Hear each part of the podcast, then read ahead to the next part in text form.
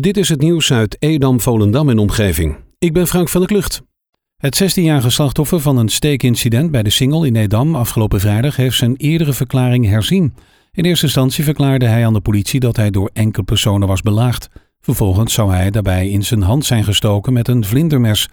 In zijn tweede verklaring vertelde hij dat het zou gaan om een uit de hand gelopen stoeipartij met een vriend. Tijdens die stoeipartij werd hij in zijn hand gestoken met het vlindermes. De politie heeft aangegeven verdere gesprekken te zullen voeren met het slachtoffer en de ouders. FC Volendam neemt het vanavond toch zonder toeschouwers op tegen FC Groningen. De gasten dienden een verzoek in bij de Volendammers om het duel vanwege de recente ontwikkelingen rond het coronavirus zonder publiek af te werken. En FC Volendam ging daarmee akkoord. In eerste instantie waren er maximaal 250 toeschouwers welkom bij het duel. De Groningers laten weten alle veiligheids- en gezondheidsrisico's zoveel mogelijk te willen uitsluiten en daarin geen enkel risico te willen lopen. Het feit dat de wedstrijd op het complex van VV Woudia wordt gespeeld en niet in een stadion speelt, speelt daarbij ook een grote rol.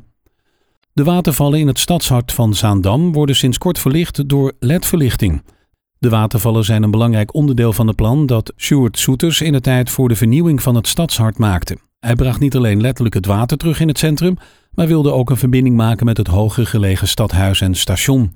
De watervallen zijn nu compleet doordat de energiezuinige verlichting is aangebracht. Bij een ongeluk op de Twiskeweg in Zaandam is gisteren een fietser gewond geraakt op de rotonde. Hoe het ongeluk nou precies heeft kunnen gebeuren is nog niet bekend. De fietser viel hard op het asfalt. Zijn fiets belandde in de berm. Het slachtoffer had door het ongeval geen gevoel meer in zijn benen en is met spoed overgebracht naar het ziekenhuis. De verkeersongevalanalyse van de politie is ter plaatse geweest om onderzoek te doen. Vanaf 1 september gaan de bibliotheekvestigingen van Bibliotheek Waterland, waaronder Volendam, weer open volgens normale openingstijden.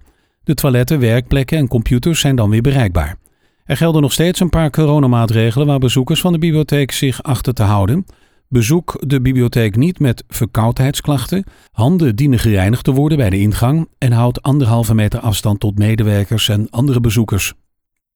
Aan de Harpoenier in Landsmeer is gisteren een man onwel geworden. De brandweer en ambulance kwamen ter plaatse om de bewoner via het bovenraam af te voeren, omdat dit niet via de trap kon. Via een ladderwagen werd de bewoner door de brandweer op een veilige manier naar beneden gehaald. In verband met mogelijk coronabesmetting is er gehandeld via het daarvoor geldende protocol. Medewerkers waren gekleed in afgeschermde kleding en werden ter plaatse ontsmet met speciaal middel. De najaarskermis in Purmerend gaat dit jaar niet door. De kermis zou gehouden worden van 7 oktober tot 11 oktober. De organisatie heeft dat laten weten via Facebook. De exacte reden wordt door de organisatie nog niet gegeven. De organisatie laat weten dat ze hopen iedereen weer te mogen ontvangen volgend jaar, dus 2021. De weggeefwinkel Edam gaat weer van start. De eerstvolgende weggeefdag zal plaatsvinden op 12 september in de Singel. Op deze dag zullen heel veel mooie spullen worden weggegeven, maar wel op een coronaveilige manier. Ze gaan daarom met een tijdslot werken, waardoor je bij hen een kaartje kan halen. Hoe dit alles in zijn werk gaat en de data waarop de tickets gehaald kunnen worden, wordt binnenkort bekendgemaakt. Je kan je overtollige spullen brengen naar de Jan Hoekstraat 7 in Edam. De Mazda 3, die twee weken geleden in het onderzoek naar de dood van de 14-jarige Tamar van Marken in beslag werd genomen, is hoogstwaarschijnlijk betrokken geweest bij de aanrijding die haar fataal werd. De Mazda werd na onderzoek en dankzij vele tips door de Nederlandse politie aangetroffen in Duitsland. In welke stad dat gebeurde wil de politie nog niet zeggen.